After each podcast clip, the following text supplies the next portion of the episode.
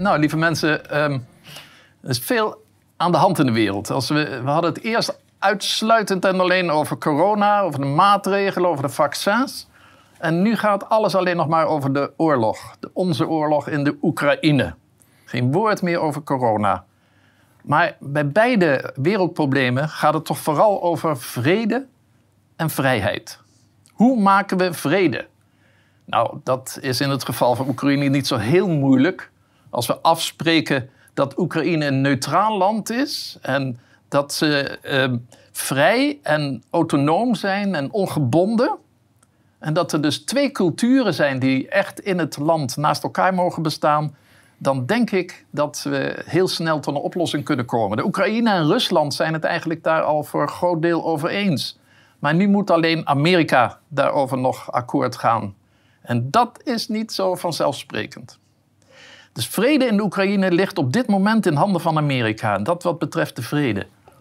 Maar vrijheid, daar zullen we het vandaag vooral over hebben. Dat is veel moeilijker te realiseren.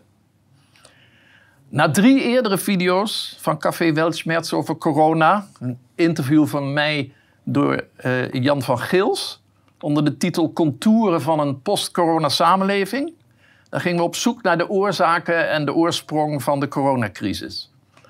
En toen hebben we nog twee interviews gehad met Harry Salman, die we de titel gaven Fundamenten van een post-corona samenleving. En daarin keken we hoe de coronacrisis verliep en welke lessen we daaruit zouden kunnen trekken voor een toekomstige samenlevingsvorm. En nu komen we bij de vraag: zijn er alternatieven voor de verschillende aspecten van de huidige samenlevingsvorm en zo ja, welke? Alternatieven in het geestesleven, alternatieven voor het rechtsleven en ons staatssysteem, een alternatief in de economie. En we noemden in, in die laatste van die drie interviews al de mogelijkheid om je daarbij te baseren op drie grondbegrippen die als een soort pijlers kunnen dienen voor de opbouw van zo'n nieuwe samenlevingsvorm. En dat zijn vrijheid, gelijkheid en broederschap. We zeiden daar toen bij dat het heel belangrijk is dat deze grondbeginselen worden toegepast op drie verschillende gebieden van de maatschappij: vrijheid in het geestesleven, gelijkheid in het rechtsleven en de broederschap in de economie, in het economische leven, een wereld van bedrijven, van bodemschatten, banken, aandelen, prijsvorming. Daar zou broederschap moeten heersen. Het is belangrijk dat het niet door elkaar gaat, want als er vrijheid heerst in het economische gebied, dan krijg je het roofdierkapitalisme waar we nu middenin zitten. Zoveel mogelijk graaien, egoïsme, niet denken aan de ander, geopolitieke veroveringen in de wereld, sancties, boycotts. Het recht van de sterkste, de survival of the fittest, de strijd om het bestaan. In de economie zou dus juist broederschap en samenwerking moeten heersen. Geen strijd, maar eerlijk samen delen. Verantwoordelijk voelen ook voor de ander, verantwoordelijk zijn voor elkaar. Broederschap is een kwaliteit die we nog volop moeten oefenen. Vrijheid hoort dus niet thuis in de economie, maar wel in het geestesleven. En daar staat ze nu juist tegenwoordig sterk onder druk. Omdat de industrie en het winstmaken, de economie, ondersteund door met behulp van de overheid, bezit hebben genomen van gezondheidszorg. En de overheid en de commercie zich bemoeien met de inhoud en alle aspecten van het onderwijs. En dat ook dankzij de commercie de media met z'n allen meestal onwaarheid spreken, gewoon omdat de waarheid niet interessant is en niet goed verkoopt. Wat de oorlog in de Oekraïne dus gemeen heeft met de coronacrisis, is de informatievoorziening en daardoor ook de meningsvorming, dat die volslagen eenduidig, eenzijdig is geworden en daardoor dus per definitie onwaar. Het lijkt meestal meer op indoctrinatie, op propaganda, op hersenspoeling. Want oh wee, als je er anders over denkt en spreekt, als je een andere mening hebt, dan word je neergezabeld. Eenduidig en eenzijdig, maar er zijn altijd meerdere gezichtspunten en nuances mogelijk en die moet je allemaal onderzoeken. De zaak slechts van één kant bekijken betekent altijd per definitie dat je nooit de hele waarheid ziet en ook niet vinden kunt. Een zaak moet altijd van meerdere kanten bekeken worden. Voor- en tegenstanders moeten gelijkelijk aan het woord gelaten worden. En dat moet een krant of televisieprogramma altijd verzorgen. Dat ligt zelfs vast in de protocollen van Bordeaux. Dat zijn dus richtlijnen voor de journalistiek, waar ze zich altijd aan zouden moeten houden. En waarom al die mainstream media zulke eenzijdige berichten brengen, is ook duidelijk. Dat is voor het geld en voor de macht. Mensen die niet blind meegaan met de heersende mening, zelf nadenken en zelf op zoek gaan naar de waarheid en hun eigen mening vrij uit durven zeggen, die zijn bedreigend voor de macht en voor het geld. Met name als er een leugen moet worden verspreid, bijvoorbeeld dat de vaccins veilig zijn, dus dat ze ze rustig kunt nemen, dan moet je als krant of televisieprogramma alle gevallen van mensen die vreselijk ziek werden van, en soms sterven door en dankzij de vaccins wel volledig verzwijgen. En iemand die op zoek gaat naar de waarheid en onthult dat er heel veel vaccinatieschade is, ondergraaft het beleid van de farma-industrie. Dat helemaal over, overgenomen is door de politiek. Praat vooral niet over de gevaren van vaccins, anders verstoor je onze verkoop. Zelfs in de contracten met de industrie is dat vastgelegd. Praat niet over vaccinatieschade op straffen van hoge boetes. Er is dus geen vrije meningsvorming, geen vrije meningsuiting meer. Want als je afwijkt, dan word je dus, zoals ik net ook al zei, neergesabeld. Gelukkig zijn en komen er steeds meer mensen, politieke partijen, nieuwsmedia die ongezouten de waarheid vertellen. En kunnen wij dankzij Café Welsberts en al die andere nieuwe, andere kranten en tijdschriften toch achter de waarheid komen. Het is toch juist interessant als iemand iets anders vindt dan jij? Hoe ben je tot die andere mening gekomen? Hoe ziet het er voor jou uit? Vanuit jouw gezichtspunt gezien. Die vrijheid van meningsvorming en vrije meningsuiting is punt 1. En opvoeden tot vrijheid is een belangrijk tweede punt. Als we in de opvoeding en het onderwijs kinderen en opgroeiende mensen alleen maar indoctrineren met de heersende mening en niet zelfstandig leren denken, krijgen we een samenleving van kuddedieren die slaafs doen wat je hun opdraagt, maar niet zelfstandig hebben leren denken en doen.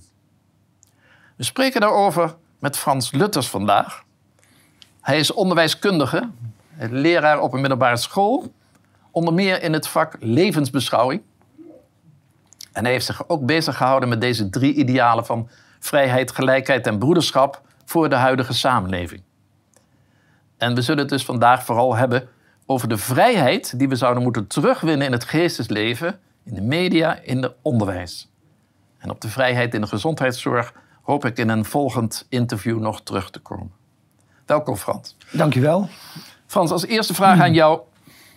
Die drie geleden van de maatschappij en die drie idealen van vrijheid, gelijkheid en broederschap die ik net genoemd heb. Is dat nou iets ouds of heeft dat nou, zoals ik het ook benoem, echt toekomstkarakter? Mm Wat vind je? Ja, ik uh, dank je wel voor de vraag. Dank je wel voor de uitnodiging ook, Luc. Um, ja, voor mij vrijheid, gelijkheid en broederschap. Ik denk dat dat hele oude idealen zijn. Maar juist het ideaal van de vrijheid het jongste is. Uh, er zijn altijd broederschappen geweest van beperkte groepen mensen. Er is altijd gelijkheid geweest binnen bepaalde kringen. Maar die vrijheid, die echte vrijheid, uh, dat is een nieuwe ontwikkeling.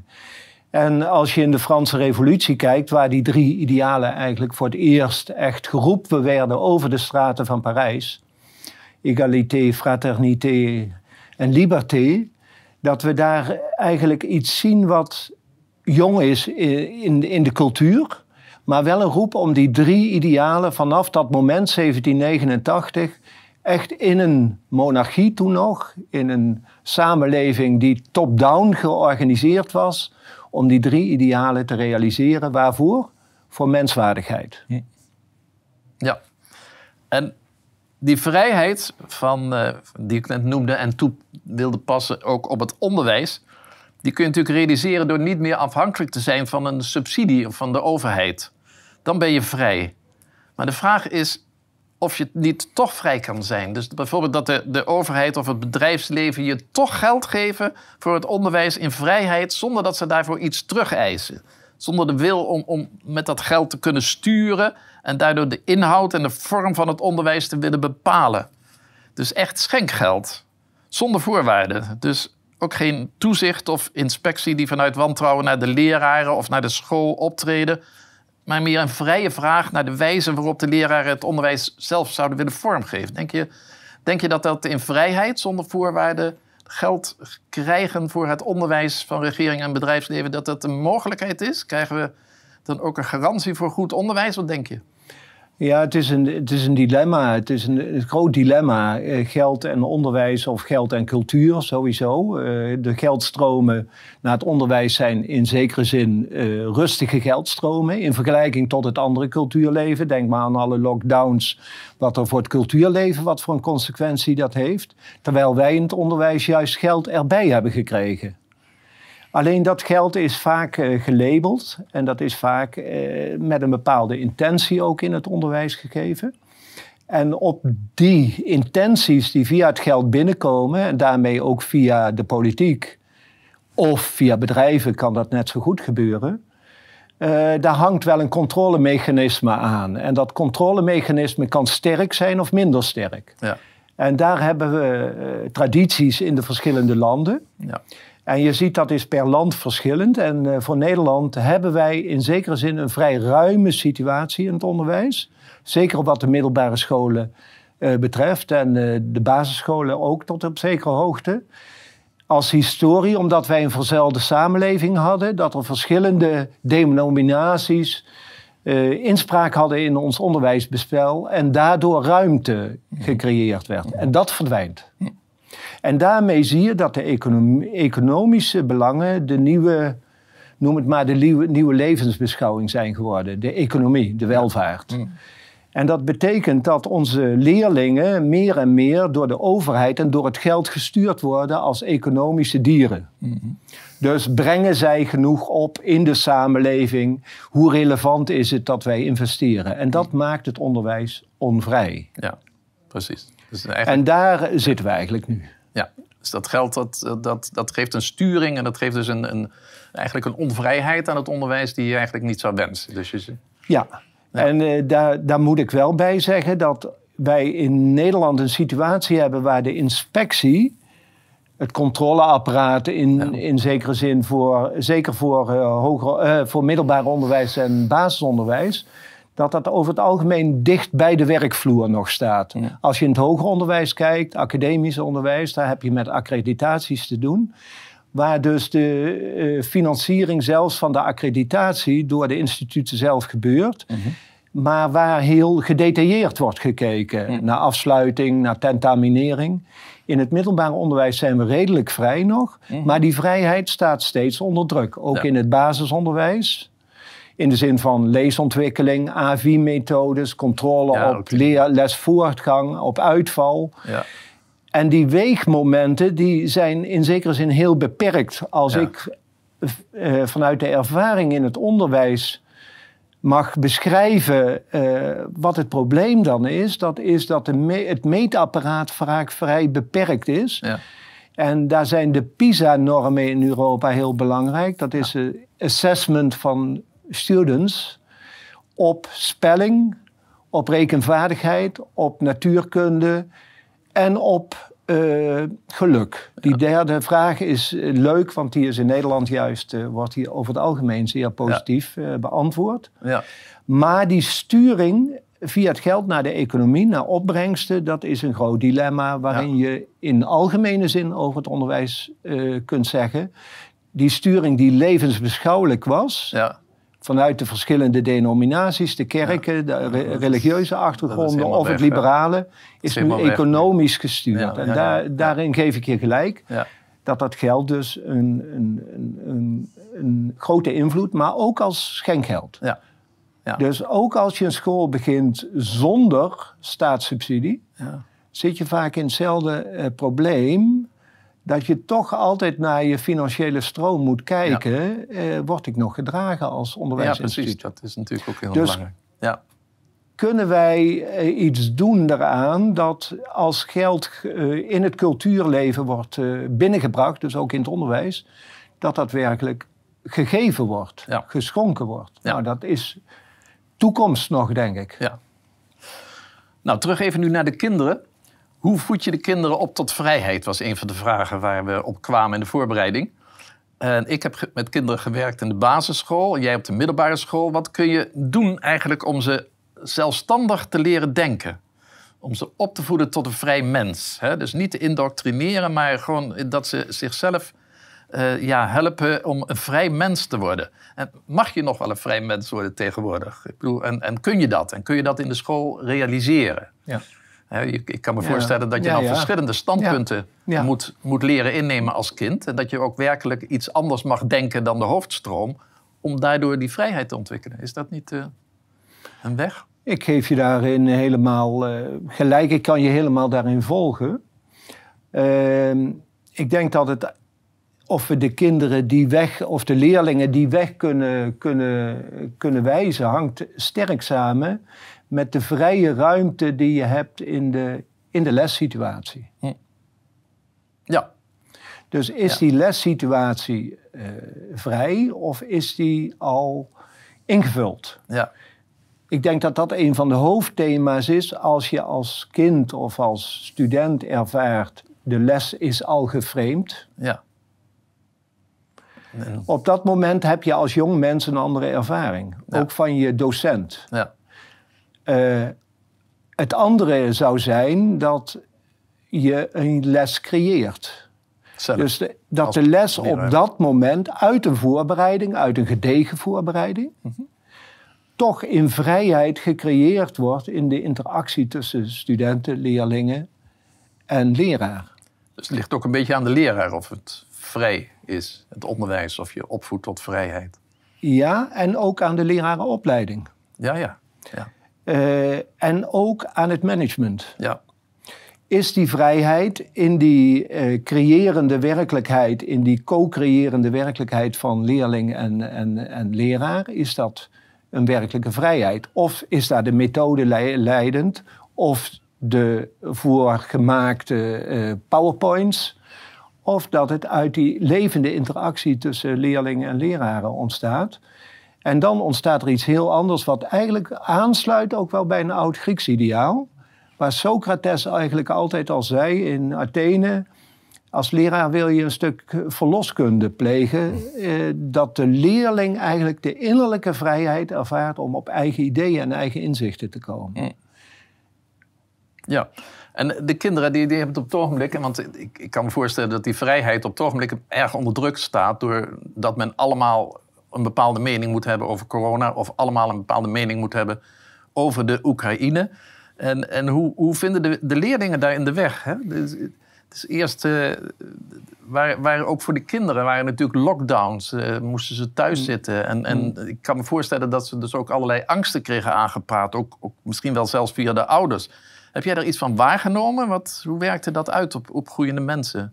Hoe beleven die op het ogenblik hun toekomst, die kinderen? Ja, ik denk dat er nog een probleem bij zit. Je noemt twee belangrijke problemen. De onrust in de wereld, uh, het wel of niet van iets mogen denken... of uh, hoe erover denken of beïnvloed zijn. De kinderen zijn natuurlijk ontzettend deel van de digitale wereld. De, iedereen leeft in die digitale wereld, dus ze zoeken ook hun eigen kennisbronnen. Mm Alleen in hoeverre kun je die bespreken met elkaar en in hoeverre kun je gezamenlijk tot een oordeelsvorming komen? Dat is natuurlijk het grote punt. Mhm. En eh, dat betekent dat kinderen op dit moment eigenlijk ervaren dat die wereld verwarrend is. Hm, ja. En de onderstroom die ik bij leerlingen en studenten ervaar, is dat de onderstroom er een is van er zijn geen hoogtepunten geweest de afgelopen twee jaar. Wij zijn eigenlijk in een digitale samenhang tot onze leraren gekomen. Dus een digitaal onderwijs vaak gehad, ook studenten. En zij benoemen dat zo naar mij toe en naar collega's toe als een gebrek aan herinnering. Hm.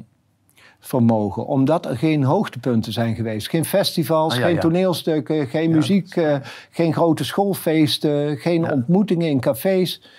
Het is net alsof die wereld vervlakt is en daarmee het contact met het leven uh, verloren gaat.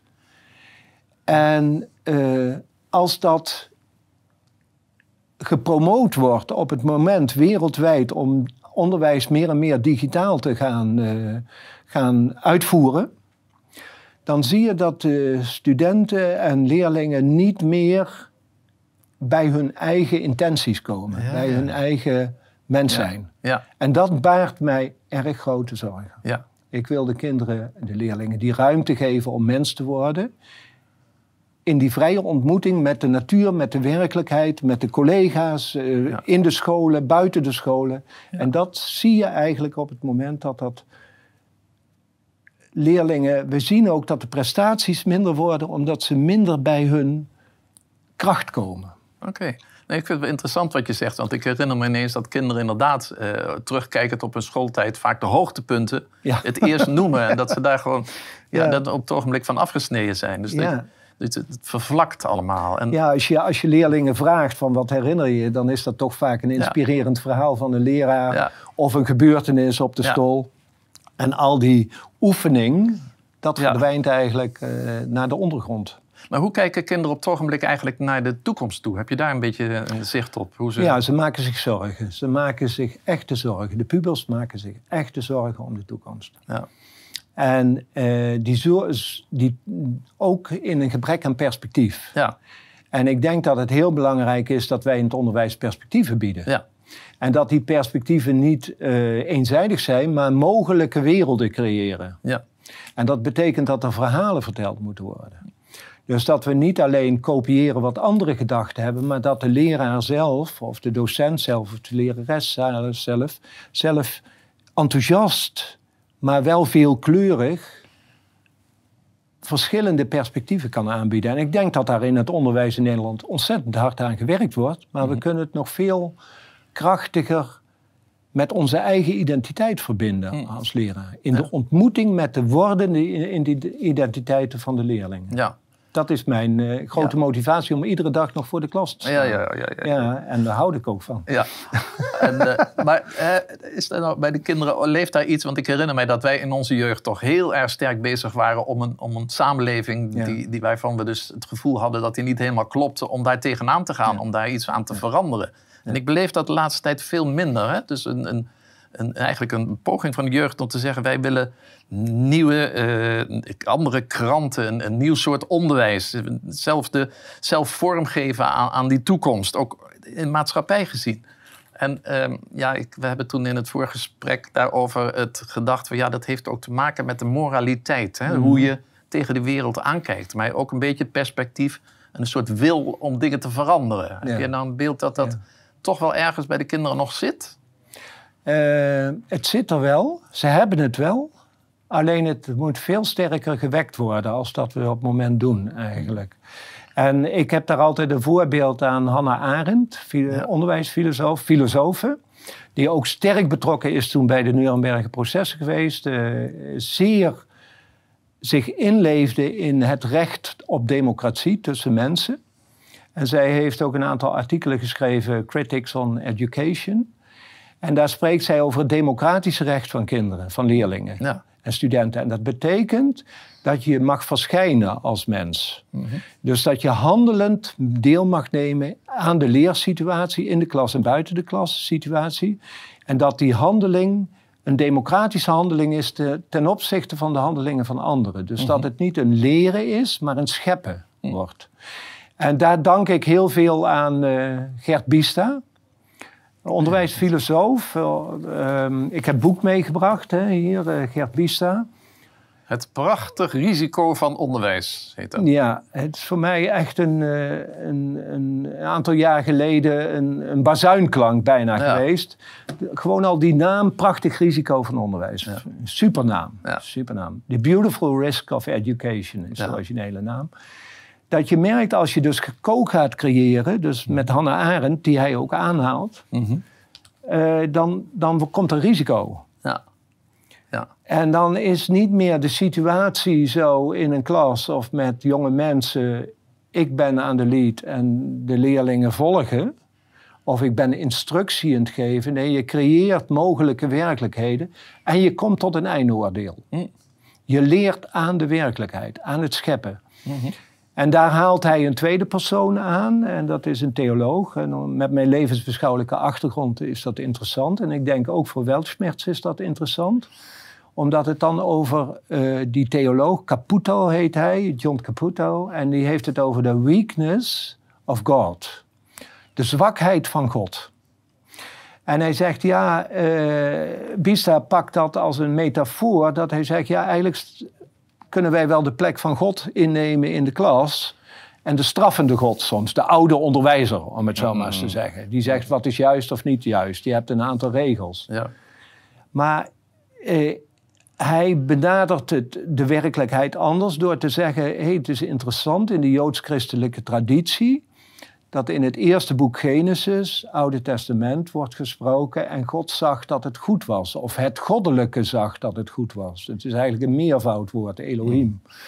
En dat goed zijn, dat heeft te maken met te kijken wat er tot leven komt in de schepping. Dus ook in een klassensituatie met leerlingen en jonge mensen en ook voor ouders.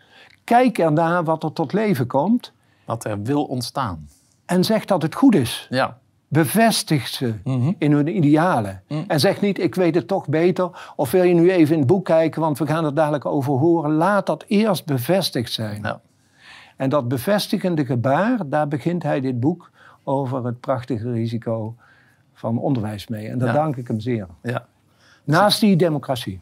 Ja, dus de kinderen moeten eigenlijk uh, vanuit zichzelf eigenlijk de, de, de, de moraliteit ontwikkelen. En in het gesprek met jou en de leraar geef je daar vorm aan en, en probeer je te zoeken naar dingen die je in de wereld kunt veranderen? Of... Ja, ze hebben ons daar wel bij nodig. Ja.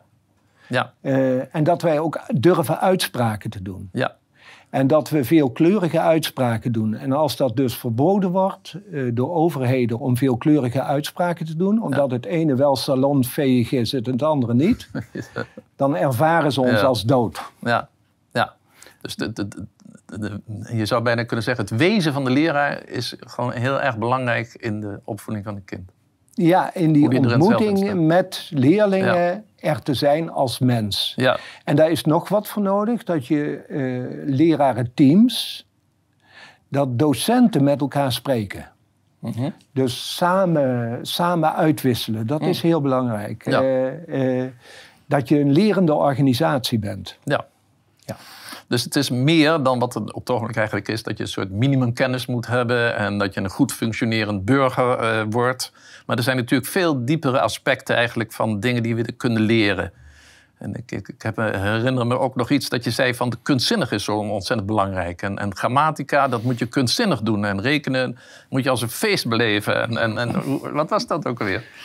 Ja, dat zijn, zijn leuke dingen. Kijk, we, ik weet niet hoe, hoe, sterk we in de details moeten gaan voor de toeschouwer. Maar eh, het is wel mooi dat jij kunstzinnig noemt. Ik denk de leraar als virtuoos. Ja. Als kunstenaar, samen met zijn leer, met zijn klas. Ja. Als jij nu je klas ervaart als een atelier, dan moet dat toch alles mogelijk zijn. We weten toch op het moment dat je alleen maar op een uitkomst, waar PISA dus meet, als we alleen maar op die uitkomsten zitten, mhm. dan heb je maakwerk. Ja. En we weten allemaal als je een roman of een boek leest of een gedicht en je leest het en bij de eerste woord voel je dit is maakwerk of dit is kunst. Ja. Kunst ontstaat, gaat altijd door het niets heen. Ja.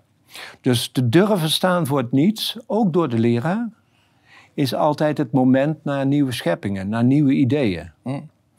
En uh, als je dat dan bekijkt rond, rond, rond bepaalde aspecten van het onderwijs, nou, ik zou iedereen eens aanraden om eens anders te gaan rekenen, bijvoorbeeld. Mhm. Als je nu zegt van, uh, ik heb, uh, noem maar wat, ik heb 7000 euro op mijn bankrekening staan. En je kunt natuurlijk dan de opstelstrom maken hoe je eraan bent gekomen en of dat geld uh, werkelijk ter beschikking is. En dan ga je eigenlijk optellen en dan ben je tot die 7000 euro gekomen. Dus dan bezit jij 7000 euro doordat jij je salaris net hebt binnengekregen. Nou, dat is dan dat bedrag en daar komt nog wat bij. En dan komt misschien, uh, gaat er weer wat af. Maar je telt bij elkaar op. Als je kinderen dus leert op de basisschool om altijd op te tellen dat en dat wordt meer, dan ga je dus een houding creëren naar kinderen, naar leerlingen toe. Om te denken, ik moet meer en meer en meer. Ja. En dan krijg je de situatie die zowel in Rusland als in de Verenigde Staten bestaat, dat een paar mensen eigenlijk uh, de hele financiële uh, middelen in handen hebben, om het zo maar eens te zeggen. En dat houdt dus niet op. Omgekeerd is veel leuker. Je hebt geld en dat kun je als het ware dan gaan delen. Uitgeven ja. weggeven, schenken, maar je kunt het ook investeren. Je kunt er iets mee doen. Dus dan doe je eigenlijk 7000 euro. Nou, is 2000 plus 3000 plus 2000. En dan ga je dus vanuit het geheel naar de delen. Nou, dat is een heerlijk gevoel, maar minder makkelijk om te doen. En leren ze daar wel genoeg optellen door? Dat is de hele vraag. Maar dat zit je nu net in het atelier zo leuk te uit te proberen om daar virtuoos in te worden. Ander voorbeeld wat jij zegt met grammatica. Ik vind bij redenkundig ontleesde in de basisschool altijd zo interessant dat wij leren over onderwerp in de zin, over meewerkend voorwerp, leidend voorwerp. Ja. Nou, als wij zo'n gesprek voor, voeren, dan willen we toch heel graag dat die jonge mensen centraal zijn in dit gesprek. Ja. Dat is onderwerp. Ja. En wij zijn een beetje meewerkend voorwerp daarbij. En op het moment dat ik in een situatie kom dat ik het niet weet, kan ik misschien in een positie van leidend voorwerp of als ouder als leidend voorwerp. Maar je ervaart in dit soort grammatica dat grammatica ook een sociale werking heeft. Ben ik steeds het onderwerp? Ja. En dat betekent dus, en dat is een heel oud weten, dat door grammatica, dat was bekend in de scholastiek in de middeleeuwen, dat je door grammatica rechtvaardiger werd. Hmm, deugden ontwikkelden ze daardoor eigenlijk. En dat is eigenlijk iets waar we... en dat meet PISA niet. Naar de toekomst toe eigenlijk naartoe moeten. Hè? Dus dat je ook uh, dat soort elementen gewoon kind, bij kinderen... Ik weet ook niet of je het moet meten. Want dan krijgen we weer het volgende probleem, dat alles gemeten wil worden. Ja, precies. Maar je ziet dus in de wereld dus enorme druk op die vrijheid. Hè? Dus ook met de lockdowns en, en, die WHO die weer van alles wil. En digitale idee van de, van, van de Europese Commissie. En, nou, en het is ook steeds meer dat je gewoon merkt van ja, in, in Nederland is dus de, de, de, dat is een partij voor de vrijheid. Maar ja, die wil natuurlijk helemaal geen vrijheid. Die, die is alleen maar bezig met zijn eigen mening te uiten. En die probeert ook juist mensen de toegang tot het land te ontzeggen. Dus het woord vrijheid moet eigenlijk zeg maar, geschrapt worden daar. Of je zou het nog anders kunnen zeggen. Het is economische vrijheid geworden. Ja. En daar begon je net zo mooi mee. Dat je zegt van, goh, die vrijheid... die zouden we toch juist voor het cultuurleven en het onderwijs... En, uh, dus daar moeten hebben. En niet in de economie die dan het onderwijs en het cultuurleven weer gaat uh, sturen. Ja. Dus uh, die vrijheid staat onder druk. Ja. Juist ook bij de partijen die vrijheid hoog in het vaandel hebben. Ja, daar heeft ook uh, Sigrid Kaag zich nu bijgevoegd. Stem in vrijheid, voor vrijheid. Ja, en dan te weten dat zo iemand dus zeg maar een hele hoge topfunctie heeft bij het World Economic Forum. Is natuurlijk ook wel heel navrant. Hè? Dus dat je merkt van, wat is nou toch vrijheid in deze, in deze situatie? En, en waar, waar gaan we naartoe? En ik heb hier nog een boek van de psychologie van het totalitarisme van Matthias de Smet. En dat ken je misschien wel, maar daar, daar heeft hij het ook over Hannah Arendt trouwens. En daar hmm. heeft hij het ook over dat, dat mensen tegenwoordig zo'n ontzettende massavorming zijn. En dat ze dus echt niet willen afwijken. En dat dat heel diep eigenlijk hmm. in de mensen zit. Hmm. En dat het dus heel moeilijk is om die vrijheid, ook voor kinderen, om die in deze tijd, juist in deze tijd, te verwerven. Dus Daar wil ik eh, nog wel even een opmerking over maken. Omdat uh, als je massavorming hebt, dan heb je eigenlijk te maken met een adolescent ja. die nog jong is. die vergelijkt zich met de ander. Ja. Uh, je hoort altijd van mijn leerlingen, hoor ik altijd, we hebben zo'n last ervan dat we ons altijd vergelijken met de ander. En ons altijd de, de mindere en de onzekere voelen. En daarmee een soort neiging krijgen om jezelf te bewijzen. Ja. Dus als je kunt werken naar de vrijheid te vinden in het individu, maar een moreel individu, dus een ethisch verantwoordelijk individu, dan zit je waarvoor D66 oorspronkelijk is opgericht. Ja. En ik herinner me van Mierlo nog heel goed. Ja. Ja. Uh, in dat individualisme. Ja. In die individuele idealen en die individuele gesprekken die met elkaar gevoerd werden. In de vriendenkring van Van Mierlo ook. Naar de idealen van menselijkheid en verantwoording. En ik zou dus ook naar Sigrid Kaag willen oproepen. Bezin je alsjeblieft op je wortels. Ja. Oké, okay, een hele mooie. Dat is echt een onderwijsoproep. Bezin je op je wortels. Ja. Maar je zei net, die kinderen die zitten ook met elkaar zich te vergelijken. Hè? Dat heeft natuurlijk, die iPhone heeft daar natuurlijk ook een hele sterke werking op. Hè? En dat is ook, zeg maar, ook een, een middel waardoor, de, waardoor je wordt afgeleid van je ware wezen en je echte ontwikkeling die je moet gaan. En wat, wat zou je nou in, aan, aan ouders in deze tijd, uh, zou je daar iets willen zeggen? Hoe, hoe je kinderen eigenlijk in deze tijd best kunt benaderen, kunt opvoeden? Ja, ik denk, uh, ik vind, dankjewel voor de vraag. Want ik denk als ouder, punt één, denk ik dat je, ouderschap in deze tijd is een, is een grote opdracht. Een mm. grote opgave ook. Dus dat mm. is het eerste wat ik wil zeggen. Dat ik me dat heel goed realiseer, ook zelf ouder zijnde. Uh, dat je weet, uh, deze wereld is niet eenvoudig. Ook, ook als je kinderen al uit huis zijn, bijvoorbeeld. Dat je merkt de studieleningen die je naslepen. Uh, de onzekerheid in het beroepsleven. Dus er zijn veel factoren, ook voor de jongere leerlingen, uh, dus ook voor de ouders, die maken dat je kinderen eigenlijk vrij veel bij je terugkomen, die jouw steun nodig hebben. Ik zou op de eerste plaats willen zeggen: verbreek nooit de relatie met je kind.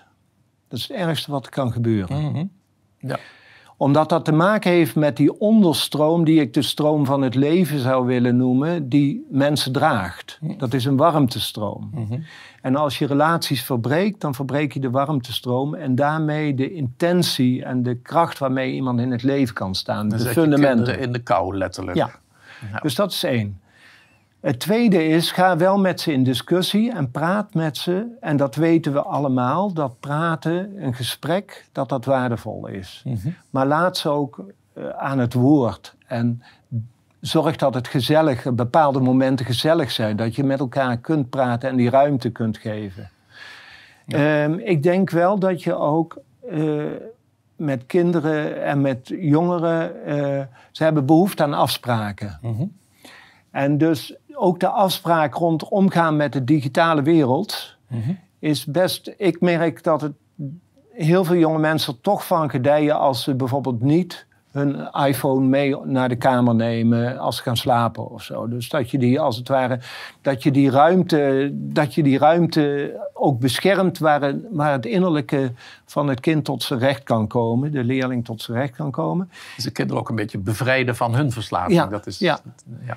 En, en ik denk dat je als ouder altijd moet uh, realiseren dat al heb je nog zo'n grote idealen, ook om een samenleving te veranderen, dat deze jonge mensen de generatie na ons zijn, die het worden en die misschien met hele nieuwe ideeën komen en met hele nieuwe opvattingen. Gebruik dus je jonge mensen ook alsjeblieft als een ontzettend mooie en spannende bron voor de nieuwste informatie over de mhm. wereld. Ja. Ja, en, ook nou, waar we het nu over hebben, naar die, naar die toekomst toe, hè, met die idealen van vrijheid en gelijkheid en broederschap. Ja. Dat je hoopt dat ze gewoon toch een beetje meehelpen om dat te realiseren hè, in de nabije toekomst. Ja. Als je kijkt, het hele gendervraagstuk in de scholen is. Als je daar met elkaar redelijk goed mee omgaat, dan betekent dat eigenlijk dat ja, die veelkleurigheid heel vanzelfsprekend zichtbaar kan worden onder mhm. jongeren. Mhm. En dat dat zoeken van de identiteit op vele vlakken, bijvoorbeeld ook het gendervraagstuk, mhm. dat dat iets heel natuurlijks kan zijn op het moment dat je het onderdrukt. Of juist heel sterk overwaardeert, over, uh, dan krijg je uh, dat jonge mensen zich in die extreme gaan, gaan, gaan uh, ja, te sterk als het ware daar, daarbinnen um, gaan leven. In die zin dat het, dat het niet meer in dat gesprek met elkaar gaat in het zoeken naar identiteit. Ja. Ik denk dat dat voor ouders uh, heel belangrijk is. Mm -hmm. uh, ja. dat, en ik zou vooral willen zeggen, geniet uh, van de discussie. Mijn vader die lokte ons uit. ik weet nog heel goed, was de tijd van de Vietnamoorlog dat wij dan uh, s ochtends op zondag nog aan tafel moesten zitten. En mijn vader die had daar echt behoefte aan dat je dan zondag samen uh, ontbijt had. En hij wist, nou, na een kwartier hebben ze hun eigen agenda. En dan waren wij als broers inderdaad snel weg. Vier broers waren Vier broers waren we. Ja. En uh, dan zei mijn vader opeens van, toch goed hè, van... Ik weet niet of het Johnson toen nog was of Nixon. Maar goed dat die Amerikanen in Vietnam zijn. Nou, dan stonden wij op en dan wist hij, oh, nou hebben we tot half één ontbijt. En dan was hij tevreden. Dan had hij een geweldige discussie. Ja, oké. Dus nou, neem het ook niet te zwaar. Nee. Zie het met humor. Ja. En wat zou je nou afsluitend, want we gaan een beetje tot een afsluiting over. Hè? Want ik ga, we gaan nog wel door ook op dat uh, begrip vrijheid, met name waar het betreft dus de vrijheid in de gezondheidszorg. Wat natuurlijk ook een ongelooflijk belangrijk gebied in het geestesleven is. Maar wat zou je nou uh, afsluitend over die vrijheid eigenlijk nog uh, kunnen, kunnen zeggen tegen de jeugd zelf? Je mag nu even in de lens tegen de jeugd zelf spreken. Ja, als, als jonge mens, denk ik, in deze tijd is het belangrijk, uh, denk ik, dat je, dat je het leven zorgt dat het spannend is. Dat je zoekt waar het leven voor jou een avontuur wordt. En creëer momenten waar jij dat leven tot avontuur kunt laten zijn en worden. Als een ontdekkingstocht, die ook te maken heeft met jouw eigen persoon, wat jij komt doen in deze wereld. En ik ben ervan overtuigd dat jullie allemaal met iets heel bepaalds de wereld in zijn gekomen. En dat wij niet voor niets over dit thema spreken van hoe is de wereldsituatie nu? Wat hebben we nodig in het onderwijs? Praat met je leraren. Zorg dat de leraren jullie horen. Neem ze serieus. Maar ga ook vooral na de les of na een college naar een hoogleraar toe. Schroom niet, of een leraar, en zeg bij iets waar je werkelijk een vraag hebt gekregen in het onderwijs, in, jouw onder, in die les, ga naar die leraar toe. Ik heb een vraag aan je. En op dat moment dat je met elkaar dan echt in gesprek gaat, zul je zien, dan begint jouw avontuur. En ik gun jullie allemaal dit avontuur van dit leven, want de, de wereld is misschien nu in een crisis, maar een crisis is altijd een geboortemoment voor een nieuwe wereld, een betere wereld. En uh, dat vertrouwen heb ik in ieder geval als leraar dat jullie daaraan bijdragen. Ja, hoe nu verder? een krantje wat uitgegeven is. Nou ja, ik wil je ontzettend hartelijk danken. Dank je voor de eh, vraag. ik denk uh, dat inderdaad de jeugd heel hard nodig hebben in de verandering van de wereld. En ik denk dat dat heel hard nodig is als je gewoon de andere kranten, de gewone mainstream media leest. Dan denk je, we moeten toch naar een nieuwe wereld toe. Ja. Dankjewel. Dankjewel, Luc. het is een prachtig risico, ja. maar het leidt echt uh, naar toekomst. Met zorg erbij natuurlijk. Veel succes met je werk. Dank je.